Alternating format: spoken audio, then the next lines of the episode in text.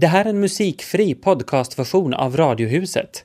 Pratradio på svenska, var du vill, när du vill.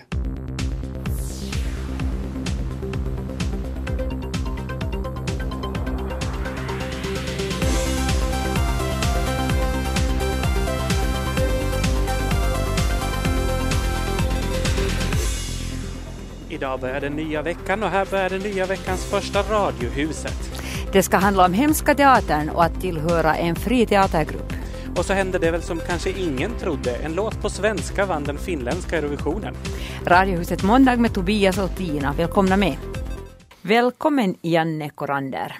Tack. Du är medlem i den fria teatergruppen Hemska teatern och jag är lite nyfiken på namnvalet. Varför just Hemska teatern? No, det, det var ett lite så här ironiskt uh, namnval.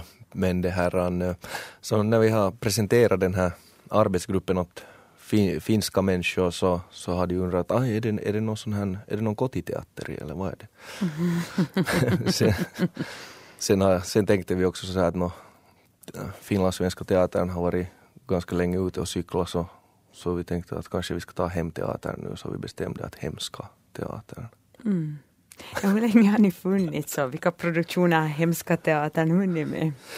Eh, uh, no, det här vi, vi, det här, vi har nu gjort två produktioner egentligen och sen en, en mini-tv-serie som är kopplad till den här andra produktionen som vi håller på att editera nu och, och är helt på slutrakan med. Och hoppas på att vi skulle få den sen ut via några något kanaler. Och det här, så planerar vi en tredje, tredje produktion nu som bäst. Mm, den produktion jag tänker närmast på är ju den som ni har avslutat, så här långt i alla fall, en spagettivästern, Armadillo Saloon. Är det slut på dem nu? Nå, åtminstone tills vidare är det slut på dem nu att vi hade sista föreställningen på Universumteatern i Helsingfors i lördags. Och, och det här. Så nu får vi nog ta paus med den en stund. Då. Men vi får se, kanske den ploppar fram någonstans. Mm, vilken typ av teater är det som ni helst sysslar med? Jag menar, är det, har ni någon så här tanke bakom det? No, mm, det kanske egentligen handlar mest om det att vi vill mm, göra vad vi vill. Så att säga att vi har ganska, ganska det här uh, roligt på repetitionerna och, och skapar ganska effektivt i stunden och, och så här via humor mest. Då att. Mm, så ni är så fria som man bara kan vara? Precis, ja. Mm. Det, det är kanske det, det positiva i det, men sen är det ju svårt att, att det här, få det här ekonomiska ihop på fria fältet. Mm, mm. Mm, no, du har ju till exempel jobbat en hel del med att hitta en scen, en plats där olika fria teatergrupper skulle kunna både repetera och uppträda. Hur ser det ut just nu? No, just nu har vi kommit till, till den punkten att, äh, att vi blev utkastade från vårt gamla utrymme. Och det gick så jättefort att äh, det blev en sån här chocköverraskning för oss när år 2012 inleddes. Och, och det var riktigt så dramatiskt att det kom en hastämmes med papperna och sa att nu har ni tre månader tid på er att det här ska mm. bli parkeringsplatser nu. Det är någonstans inne i Helsingfors då? Det är inne i Helsingfors, ja. Det projektet började 2006 och det handlar då helt enkelt om att hitta ett gemensamt arbetsutrymme för fria teatergrupperna så att, att man kan jobba i fred och, och där det ska finnas teknik och, och verktyg och, och, sociala utrymmen så att man trivs där någorlunda. Och det har nu hållit på tills nu och, och, det här, och nu när det kom de här dåliga nyheterna så fick vi ju väldigt bråttom att försöka hitta nytt utrymme så att verksamheten skulle kunna fortsätta. Och det här, så efter en tjugotal ställen som vi hade kikat på så kom vi över ett ganska passligt utrymme där vi då skulle kunna utveckla den här verksamheten och öppna en scen också där och ha ett repetitionsutrymme och lagerutrymme och sen lite kontorsmöjligheter och sånt här. Nå, var är det nu då? Nå, det här, det, det är ännu lite oklart att det finns inte något löfte att vi är lite så här mitt emellan nu att mm. kanske vi kan gå ut med det om en månad eller så. Hur många fria teatergrupper finns det i huvudstadsregionen till exempel? No, det varierar ju nog att nu finns det över tio etablerade åtminstone och, och sen lika många som kommer och går. Och, och så jag skulle säga sådär mellan 20 och 30 olika grupper finns det säkert. Mm. Och hur är det att jobba som fri skådespelare i en fri teatergrupp? Jag tycker redan det här att hitta ett utrymme där ni kan repetera och få uppträda, det låter ju kämpigt redan det. Ja, det är det. Man måste alltid samarbeta med någon och, och sen får man, får, ska man ju då försöka hitta utrymme där man ska spela och, och det här ofta så finns det ingen teknik där så får man bygga upp allting från början och, och sen riva det. Och, och, det här, och då är det ju jättesvårt att uh, få någon sorts uh, sån här publikströmning till de här föreställningarna när det alltid uppstår på olika ställen och så vidare bortåt. Att, att det skulle vara det liksom bästa att ha en dörr som folk blir då, eller publik, olika liksom små publikströmmar ska kunna styras in i och så blir det här stället etablerat och, och då, då kan man upptäcka också nya fria grupper som, som arbetar. Mm. mm. jag tänker jämföra lite med till exempel Svenska Teatern som har sin institution, den fysiska kroppen som man flyttar tillbaka till nu också. Och, och, och det att eh, medan ni igen söker efter nya platser hela tiden och, och, och hoppas småningom på att hitta. Att redan det är ju kämpigt för att inte tala sen om ekonomi, att få ekonomi i det hela. Hur, hur ofta längtar du till exempel som fri skådespelare, Janne Korander, att ha en fast anställning och till exempel höra till det här gardet vid Svenskis? No, det här ska vi säga så här att man börjar längta efter det sen när, när det här kontot är tomt.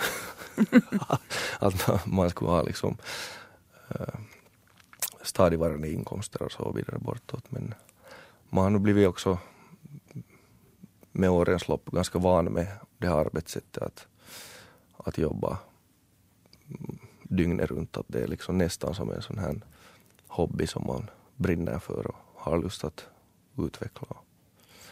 Och så, sen, sen får man ju lappa med annat, att jag gör renoveringsgecko på sommaren och så här. Så har man råd att göra teater sen på vintern. Känner du dig mer som en kan säga, företagare? No, ja, ja, alltså om jag gör de här renoveringsgrejerna så är jag ju helt klart företagare. Men vissa funktioner måste ju de här fria teatergrupperna ändå fylla och vad är det som gör till exempel att du ändå så gärna är med i en fri teatergrupp och är fri? Mm, no, det här vi vill ju, vi vill ju det här alla marknadsföra finlandssvensk teater. Och, och det här svenska teatern är så jättestor i, i vårt finlandssvenska lilla samhälle att eh, den sticker upp ganska starkt därifrån. Och speciellt nu då med, med de här nyheterna så kommer det att ta ganska mycket fokus och, och det här. Så vi får nog, får nog jobba ännu hårdare nu tror jag på fria fältet. Men det här det är ju eh, eh, uh, fria, fria grupperna så, så representerar ju någonting överraskande också och någonting fräscht. Och det här och ofta när man ser de föreställningarna så så kan man, kan man det här också känna in någon sorts eh, frihet. Mm. Ge exempel då, Janne Korander, på bra teater, någonting som, och, och, och, bra när det gäller fri teatergrupp. No, nu måste jag nu säga det här att Lilla, Lilla Klockriketeatern som också är en fri teater i, i Helsingfors så, så bjöd in nu en, en stor regissör, Andrit Soldak och, och han skapade då tillsammans med oss en föreställning som heter Morbror Vanja av Tjehov. Och den den skulle jag nog riktigt, riktigt kunna rekommendera till alla. Det är nog ett fint exempel på bra teater. Och den, den det här spelas då på Skillnaden 7 i Helsingfors fram till slutet av april. Så alla är välkomna att komma dit och titta på oss. Mm. Är det någon teatermånne som kanske till och med går på export? Ja, faktiskt det, det tror jag nog att den kommer att göra att vi du, nu, jag tror nästan att vi kommer nog att äh, åka till alla möjliga ställen. Jag kom just på nu att jag vet inte om jag om du får Vår, säga kanske ja, allt som, som, som är. Nåja, men bara så ni vet att vi, vi lite yppar här hemligheter redan. Eh, lite om dig själv nu, Janne Korander. I en syskonskara på sex eh, har tre av er gått i Teaterhögskolan utan att någon förälder eller nära släkting har teater eller skådespelarbakgrund. Hur kommer det sig att, att ni syskonen Korander är så teatraliska? Jag måste säga att jag har nog inte riktigt något klart svar på att vad det beror på. Kanske det har någonting med personlighetsfrågor att göra. Men sen också så, så är det ju helt klart eh, tack vare eh, Ekenäs teaterförening och Raseborgs sommarteater och tryckeriteater. Man många goda skådespelare. Ja, kyllä. Och, och det teaterlinjen på Folkis. Så så det, det är väl det att det söker sig intressanta och färggranna människor till den branschen och, och kanske man har sen trivats där just på grund av det. Tack ska du ha, Janne Korander. Tack.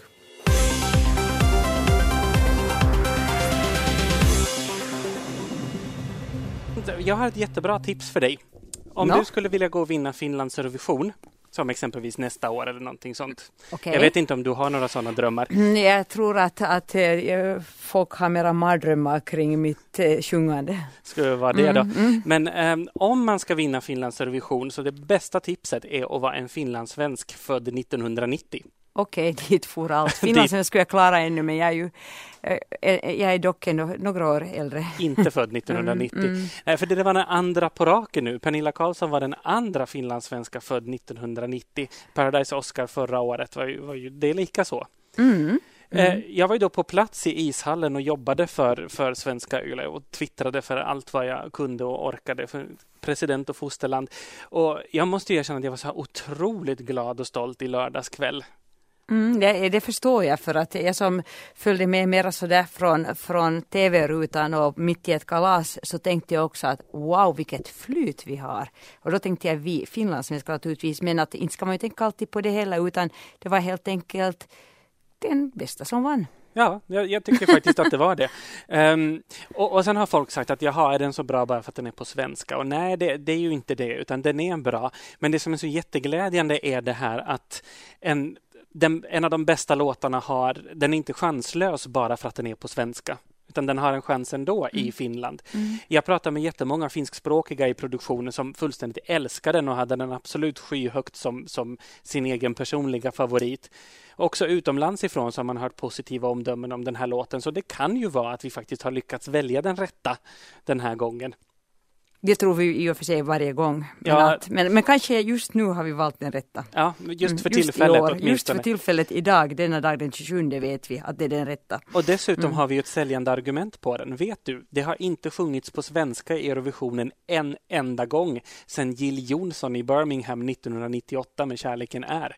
Och det där gör mig så förvånad för att jag skulle nästan ha kunnat slå vad om hur stora pengar som helst att det är ju klart att svenskarna sjunger på svenska efter det men tydligen inte. Nej, de tycker inte om att sjunga på svenska. De har haft varenda låt på engelska sedan dess och en halvt på franska. Då. Det är ju lite som vi och börjar bli. Ja, och så, men det är ju en jättebra synlighet för det finlandssvenska mm. i Norden också. Det är ju ett jättebra marknadsföringstillfälle. Mm. Men hur länge får man vara glad? Frågar man sig ju. För ganska snabbt, åtminstone i mina flöden på sociala medier och sånt, så dök det upp en massa svenskspråkiga och de verkar tycka att det var jättepinsamt med en låt på svenska. Mm -hmm. De bara skämdes och var röda i hela ansiktet och ville byta språk på låten. Vi måste sjunga på engelska för det här är pinsamt. Vad falskt, säger jag. Jag, jag. jag förstår ingenting. Just det, jag har också sett vissa, just när jag har rört mig ute på Facebook och det så, så har jag sett det där men så har jag tänkt att kanske folk bara tänker att vi ska ha bättre möjligheter, chanser att vinna om vi sjunger på engelska men tycker jag det heller utan tvärtom är det ju kanske just svenskan som är trumfkort i det här fallet. Och sen måste jag ja. faktiskt säga att jag älskar att bo i Finland och allt sånt men det är tyvärr en trist sanning. Finlandssvenskar är väldigt snabba på att plocka ner varann. Det här, och kritisera varann. Ja, du ska, du ska inte tro tro att att du är kan. någonting. Vi- Jantelagen borde egentligen eh, heta någonting annat, eh, finlandssvenska. Ja, någonting. man är jättesnabba Mm. på att sänka Mm. varandra och förminska sig själva och Mm. varandra. Och det, det är synd, det tycker jag att vi ska sluta med. Det är den absolut sämsta egenskapen i svensk Finland. Och så ska vi vara jättestolta över Pernilla Karlsson som kommer att vara en fin representant för oss i maj. Okej, alla vegetarianer. De närmaste tre minuterna kommer att handla om kött och att äta kött och då förstår jag att ni eventuellt tycker det är ointressant eller kanske till och med lite äckligt. Men i övrigt förstår jag inte riktigt varför en köttätare tycker att det är jätteäckligt när jag nu ställer mig bakom Carl Gustav Thulin, föreståndare för Centrum för vilt och fiskforskning i Sverige, som uppmanar oss att äta mera kaninkött. Jag har ätit kaninkött och jag kan säga att det är gott. I gryta som får puttra på spisen och sjuda riktigt sådär länge. Det blir så gott och så mört. Har du Tobias ätit kanin? Jag är ju från landet. Jag har väl ätit ungefär allting som någonsin haft en puls, höll jag på att säga. som inte just en människa. Eh, kanin har jag säkert ätit. Ja, det är, det är jag nästan helt säker på. Mm. Också i Frankrike, där äter man ganska mycket kanin också. Ja, och det land som toppar vad gäller att äta kanin är Spanien och där har jag ätit. Det är ganska många år sedan men faktiskt aldrig här hemma. Men jag vet en äldre ungkarl som i tiderna åt kanin. Det är jättelänge sedan det här också och uh, i mina hemtrakter ansågs lite suspekt i och med att han också gav bort en del av de här kaninerna till traktens unga, till käldjur alltså. Men vad det nu som är så att himla sig över, ja, kaninerna, jo de är jättesöta men det tycker jag att kycklingar också är. Och ändå äter vi dem såväl i form av ägg som i snabbt uppgödda broilers. Kossor är jättesöta och Mm. grisar är jättesöta. De är. Det har liksom inte med det att göra. Jag, jag intervjuade faktiskt min farmor en gång om hur man såg på husdjur när hon var ung. Mm. Och då sa hon att det var helt självklart att man gullade med fåren och klappade på de små grisarna och lekte med alla djuren. Och sen när det blev höst så, så slaktade man och åt. Det var liksom så det var. Mm. Och tänk så många, i synnerhet huvudstadsbor som har för, förargats nu över citykaninerna och deras vilda framfart i parkerna. Här finns nu en möjlighet till god kanin som ätit gott och levt loppan i det fria. Vilt kött i sin bästa form så att säga. Och magert lär det också vara. Bara 4 fett läste jag någonstans. Så varför nu inte börja med kaninuppfödning? Jag menar vid sidan av gris och hönsfarmer till exempel. Och av kanin så får man dessutom mjuk fin päls perfekt som foder i kappor eller varför inte som mössa till barnen. Jag talar av egen erfarenhet här. Mindre miljöutsläpp än kossornas eh, fisande, det vill säga gaser. Och lagom små är de dessutom. Ja, och så är de ju gulliga att klappa på. Eh, Framförallt så skulle man behöva hitta på en praktisk användning för citykaninerna som ju faktiskt börjar vara ett problem på riktigt. Därför att alla ni kaninkramare där ute, det är faktiskt så att blir det för mycket kaniner så får de sjukdomar och dör av dem och det är inte så himla trevligt för kaninerna det heller. Eller för dem som hittar de här döda kaninerna. Nej. Eh, Fast roligaste webbkommentaren har jag nu hittat i alla fall när det gäller det här med kanin som mat. Eh, I Svenska Östersundsposten. Som en som tycker att det är en bra idé det här med att äta kanin. Men varför satsa på dyr uppfödning? För jag har med egna ögon sett hur trollkarlar plockar fram kaniner ur en hatt. Jättebilligt och kan man tänka sig någonting miljövänligare. Alltså, vi satsar på fler trollkarlar istället.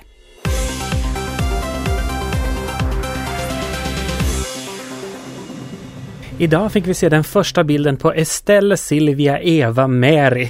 Så ska, han ju, så ska hon ju heta Sveriges nya tronarvinge. Det är väl ett fint namn? Mm, det tycker jag. Det tycker inte Herman Lindqvist. Han sa att uh, det låter inte som en drottning, möjligen som en nattklubbsdrottning och det var ganska sådär tjabbigt sagt. Um, så blev folk väldigt upprörda också när han sa det. Hon ska dessutom bli grevinna av Östergötland, vilket jag och alla andra östgötar naturligtvis tycker är jätte, jättefint. Jag undrar om hon ska hedra sitt folk genom att ta vår vackra och mustiga dialekt också. Vad betyder det att vara grevinna då? Um, det betyder faktiskt inte ett smack. det, det är sådär. Det är bara en titel faktiskt. Ja. Det förpliktigar inte till någonting alls om jag, hade, om jag förstått saken rätt. Eh, fast det är många år sedan Östergötland hade någon med den här titeln. Senast det var Karl Bernadotte som var hertig av Östergötland. Han hade den dåliga smaken att gifta sig med en ofrälse, alltså med en sån här vanlig människa. Du vet en sån här precis som Victoria just gjorde. Just det, Och och, när- och, kungen före det. När han gjorde det 1937 så blev han av med alla officiella titlar. De rök sådär, gick åt som en daglöning. Sen så gick han några år senare i landsflykt efter att ha försökt svindla av en förmögen gammal dam alla hennes pengar. Det var kanske inte så snyggt Det gjort. var inte lika fint. Nej, jag hoppas kanske att Estelle bär upp sin, sin nya titel med lite större värdighet än, än just den här föregångaren. Take out the papers and the trash, or you don't get no standing cash. If you don't scrub that kitchen floor, you ain't gonna rock and roll no more. Yakety yak! Don't talk back! Let's finish cleaning up your room. Ja, the golden age of rock'n'roll. En hurdan nostalgitripp i ett försvunnet Vasa får publiken uppleva. Ja du, det, det där blir nog intressant. Alltså, det, det här är ju en, en, en grej som vi har jobbat med i princip i två år. För det första att samla då materialet till från 50-talsmusik. En, en musik som då var en, en, någonting nytt alltså. Det var då före 60-talseran började med helt mycket woobop, doobop grejer, alltså stämsång. Eh, helt fantastisk musik. Och, och det här, jag tror att ett, ett alla i min ålder då minns det där 50-talet till en del. Alltså jag minns jag var 12 år när jag började och fick vara ute typ på stan till klockan nio och man lyssnade. Då, då har vi ju fördelen här i Vasa att vi hörde ju P1 och P3 från Sverige. Så vi var väl lite före med vår tid med musiken sett. Och man, man var ju på, på biograferna, man såg Don't Knock the Rock med Alan Freed till exempel, Little Richard, Fats Domino, Eh, Bill Haley såklart, de här sakerna. Man såg Ung Rebell, eh, James Dean-filmen och sådana saker. Men också den här stan, stor, stor, hela Vasastads miljö, de är barerna till exempel, Vissa barer då var de här raggarna så att säga, vissa barer eller någon bar där var då snubbarna satt, de som gick i lyceet eller samskolan. Finska, svenskan, alltså det här med, med, med språket och den här eviga striden om, om de här brudarna som, som fortgår ännu idag men i lite andra former. Hur mycket av, eh, ska vi säga, faktiska skeenden har du dragit in i den här showen? Det som verkligen har hänt? Vi kommer att, att förstås att, att eh, berätta om en del hur stan såg ut. Vissa affärer som var väldigt kännbara, starka under den där tiden. Byggnader och framförallt eh, reklamerna, alltså de här Klubb upp och, och, och, och 4711 Firestone, Oxygenol tandkrämsreklam, Nokia-reklamen då också, men då gjorde man ju reklam för bilringar och gummistövlar, inte, inte mobiltelefoner. Mycket sådana här som jag tror att ett folk i min ålder upplever, de minns det när man berättar om den där grejen. Idag frågar man sig, minns ni Askoshuset? Inte en jäkel minns vem det är, för det huset har ju bytt namn 50-11 gånger. Men för min generation och mina föräldrar så är det finns bara ett. Funkisstil på bensinstationerna och, och, och så. Och kan du tänka dig, vid Nedre torget en affär var det på fönstret stod droghandel. Det var intressant förstår jag. Nej, men alltså efteråt tänkte jag, droghandel, öppna en droghandel idag, men du sitter ju inne i åratal. Men då stod det på Rohdoskaupa, men på svenska droghandel, det var ju Finlands Vita Kors här vid Nedre torget. Mm. Krista Koljo, hur, hur pass intresserad är du av historia överlag? Jag har alltid varit historiskt intresserad, så det, det är väl det också att man en del tycker att man ibland går lite för långt till och med, men jag, jag, jag tycker själv jag mår bra av att berätta om historier, stories. Och sen förstås också att man, man undersöker saker och ting, man kommer inte ihåg allting, men att traditionsarkivet, man ringer och frågar någon kompis, hej du, vad hette den där baren där på Handelsesplanaden? Och så kommer det, men det är Siesta-baren, det var Siesta-baren, precis. Och, och biograferna, eh, vissa biografer körde ju det med nonstop till exempel Hollywood på Rådhusgatan, 50-tals sådana här journalfilmer, amerikansk propaganda eh, varvat med Mr Magoo och Hacke Hackspett. Då i en Rio här i Vasa till exempel hade de mera sån här ungdomlig publik och, och då Ritz med nattföreställningen med de här franska deckaren Eddie Konstantin Lemmy Koshin. Sådär kort, eh, storyn nu i Golden Age of Rock'n'Roll. Hur har ni tänkt? Det är, det är en, en, en, en, en eh, story som förstås är vä- väldigt jag tror att många känner igen den alltså. Vi har ju förstås i en stad i centrum av stan, vi har de här pjattarna, lättahatt upp där, vi har de här tuffingarna, de där första raggarna, och sen har vi ju förstås de som kom in till stan en fredag, lördag kväll från landsbygden, de här landorna. Och, nu har vi, och sen, för det fjärde, det fanns en, en det fanns de här fintopparna och hurrit. Och nu har vi då gubbarna, vi är 22 stycken i en uppsättning, så vi har då gjort på det sättet, vi har tre olika band. Vi har de här pjattarna, tuffingarna och sen de här landorna som vi säger. Som då tampas som samma brudar. Och där har vi ju då hela storyn som slutar då väldigt lyckligt. Hur, pass krävande har det varit för er att träna in det här nu? Vi har ju hållit på i princip i två år. När, när, när vi hade då materialet så att säga klart. Och visst hade vi är ju över 30 som är gubbarna, så, men vi har ju de som har småbarn hemma och renoveringsarbete, många resor från sitt jobb och så bortåt, så vi är 22 i produktionen. Men jag tycker nog att sammanhållningen är väldigt, väldigt, väldigt bra och att, att eh, man kan inte iklä en amatör en roll som inte personen i fråga känner sig bekväm i. Så nu har de fått själv då som fixa sina kläder och öva sin dialog och sånt att alla, alla, alla har en del i det. Jag tror det är det 17 som är solister, alltså sångsolister, och plus sen ett, ett de som inte så har ju sina solon och såna här saker. Ett, ett. Nu har det ju det har varit mycket krävande, men tillika skulle jag säga så här att när man har då spelat rock och pop och, från 1963 så i, idag när någon begär ett spel den låten, sjung den låten, så börjar man må dåligt alltså. Man har hållit på med det i 50 år. Fy 17 att spela House of the Rising Sun, man mår ju dåligt bara man hör det. Men vi har spelat de här i två år och jag tycker ännu i denna dag så är de väldigt fräscha de här låtarna. Det känns som bra alltså. Det, det, det, man blir glad när man hör det. En bra låt är väl en bra låt? En bra en låt är en bra låt, absolut.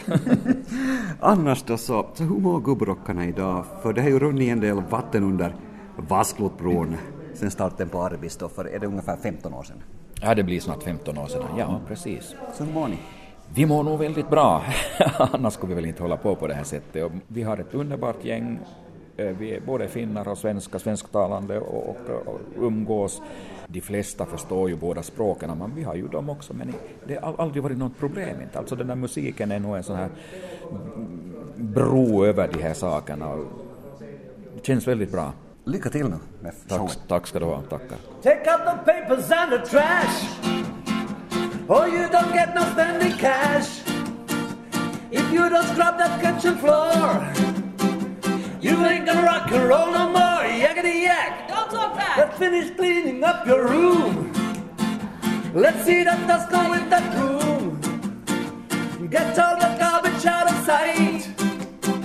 Or you don't go on Friday night. Yakety yak. Don't talk back. Yakety yak, yakety yak. Yakety yak, yakety yak. Yakety yak, yakety yak. Yakety yak,